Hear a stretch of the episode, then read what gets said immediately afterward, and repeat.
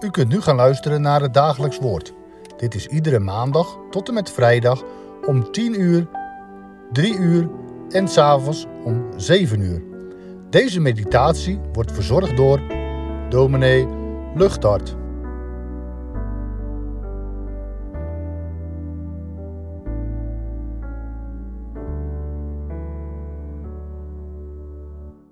We lezen vandaag Marcus 14, vers 10 en 11. Twee versen maar, een heel klein stukje. Met een hele donkere inhoud. Na die bijzondere geschiedenis waar het gisteren over ging. De zalving van Jezus in Betanië. Een kostbaar moment. En dan nu dit. Direct daarop volgend. Marcus 14 vanaf vers 10 en Judas Iscariot, een van de twaalf, ging weg naar de overpriesters om hen, hem aan hen over te leveren. Toen, en toen zij dat hoorden, verblijden zij zich en beloofden ze hem geld te geven.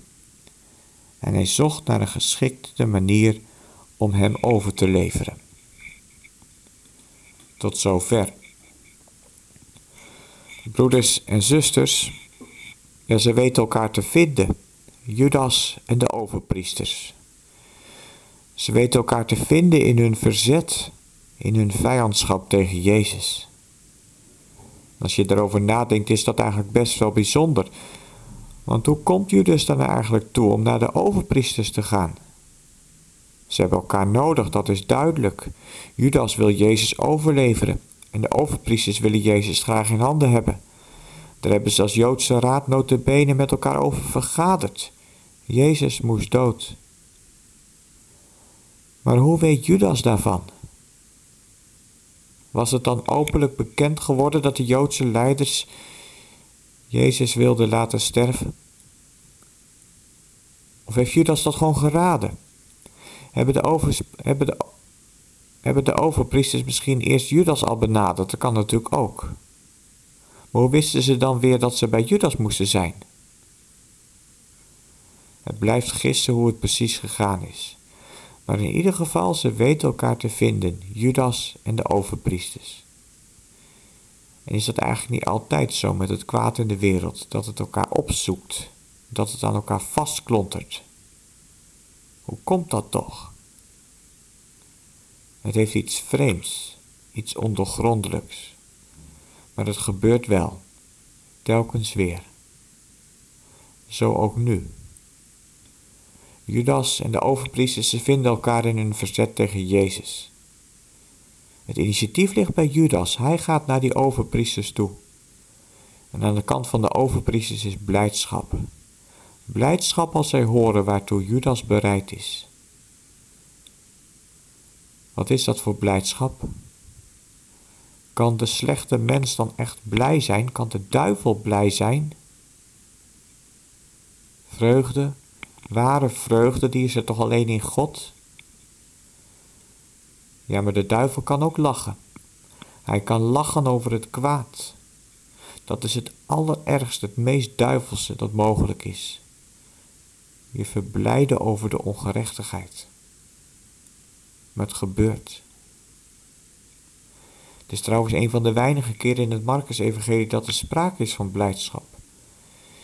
In het geheel van het Nieuwe Testament ligt dat heel anders. Het Nieuwe Testament is een boek dat overloopt van vreugde. Maar dan is het de vreugde over de Verlosser die gekomen is en over de verlossing die hij heeft aangebracht. Daar kun je alleen maar blij over zijn. En ik hoop dat u die blijdschap, die vreugde mag herkennen.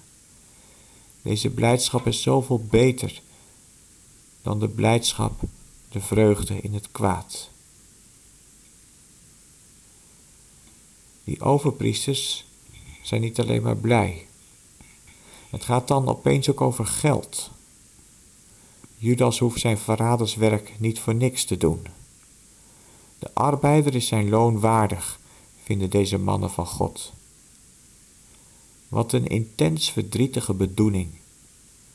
Nee, de Bijbel, ze wint er geen doekjes om. Ze maakt het niet mooier dan het is. De wereld zit zo in elkaar dat daarin de meest verdrietige dingen kunnen gebeuren.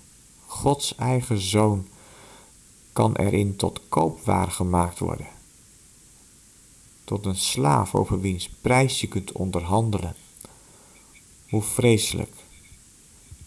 Maar het gebeurt. Maar hoe wonderlijk ook, Jezus laat het ook gebeuren. Hij laat zich door Judas aan de overpriesters verkopen. Het goddelijke offer van de verzoening van de schuld van onze zonden wordt in de handen van mensen tot een duister zaakje van een paar harde euro's. Judas, hij gaat erin mee. En hij zoekt vanaf dit moment op basis van het deeltje wat hij heeft kunnen sluiten, naar een goede gelegenheid om Jezus aan de overpriesters te kunnen overleveren. Met die gedachte in zijn achterhoofd loopt hij vanaf nu achter Jezus aan. Alles aan hem wordt onwaarachtig. Wat zal er in zijn hart zijn omgegaan? Hoe zal hij aan de paasmaaltijd hebben aangezeten? Hij speelt het hele spel van Jezus en de andere discipelen mee. Maar het is puur spel, puur vertoning voor hem geworden. Hij is intussen op heel andere dingen bedacht. Midden in het feest van de verlossing denkt hij erover na hoe hij de ergste misdaad van de wereldgeschiedenis ten uitvoer kan brengen. Is het niet om van te huiveren? Toch zitten we hiermee nog niet bij de kern van de zaak. Want hier ligt in het feit dat in heel deze gang van zaken de raad van God voltrokken wordt. Wij zijn zo gewend om te spreken over het verraad van Judas. Maar wat Judas doet, wordt door Marcus anders benoemd. Hij heeft het over overleveren.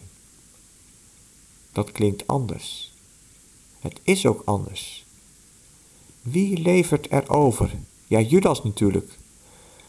Maar je kunt net zo goed zeggen dat Jezus ook zichzelf overlevert en uitlevert in de handen van zondaren. Hij verzet zich niet. Hij verhindert de plannen van Judas niet. Hij slaat niet op de vlucht. Hij werkt mee. Hij bevordert veel eerder de duistere plannen van zijn discipel.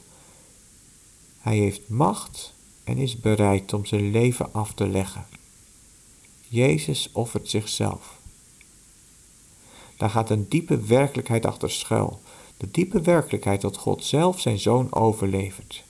Zo lief heeft God de wereld gehad dat hij zijn enige geboren zoon gegeven heeft, tot in de dood. Hoe wonderlijk dat in deze duistere nacht van het verraad van Judas de zon opgaat van het evangelie van de wereld met God.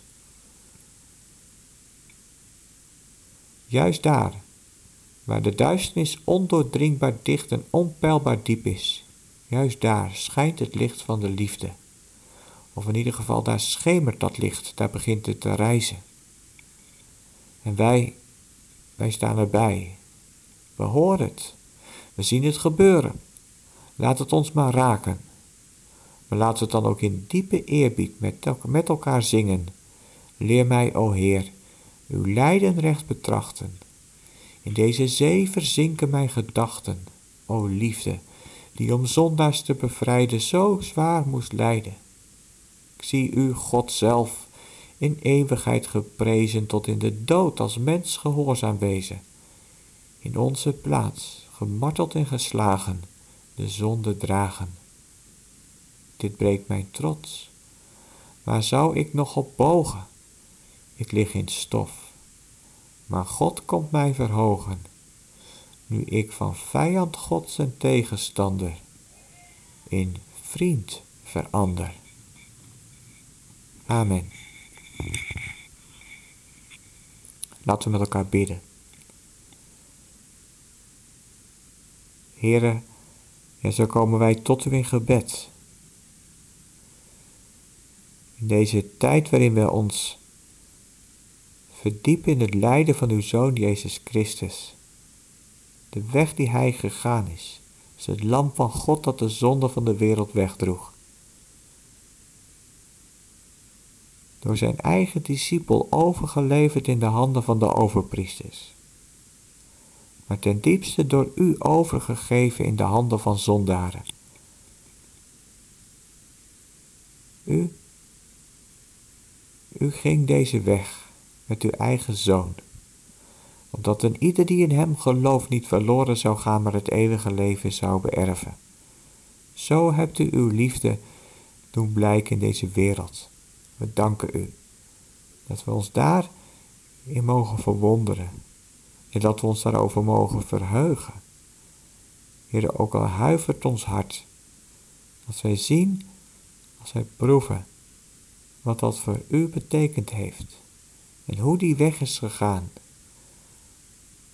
Here, we bidden u, laat het ons maar zien.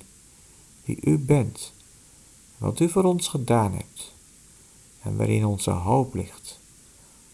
Here, we danken u voor uw woord. We bidden u om uw nabijheid, uw troost en uw kracht in de omstandigheden waarin we ons bevinden. Als dat omstandigheden zijn van ziekte en zorg, Heere God, ontfermt u zich. Geef kracht om onze weg te gaan. Als wij vreugde mogen kennen in ons leven, Heere, leer ons om die vreugde ook bij u als dankbaarheid te brengen. Heere, we bidden u. Doe ons op een goede manier toeleven naar die prachtige helsfeit, als we uw dood mogen gedenken en de opstanding van uw zoon mogen vieren. Heer, maak ons er gereed voor om dat te kunnen doen. Schenk ons uw heilige geest, sterk ons op deze dag en hoor ons gebed om Jezus wil. Amen.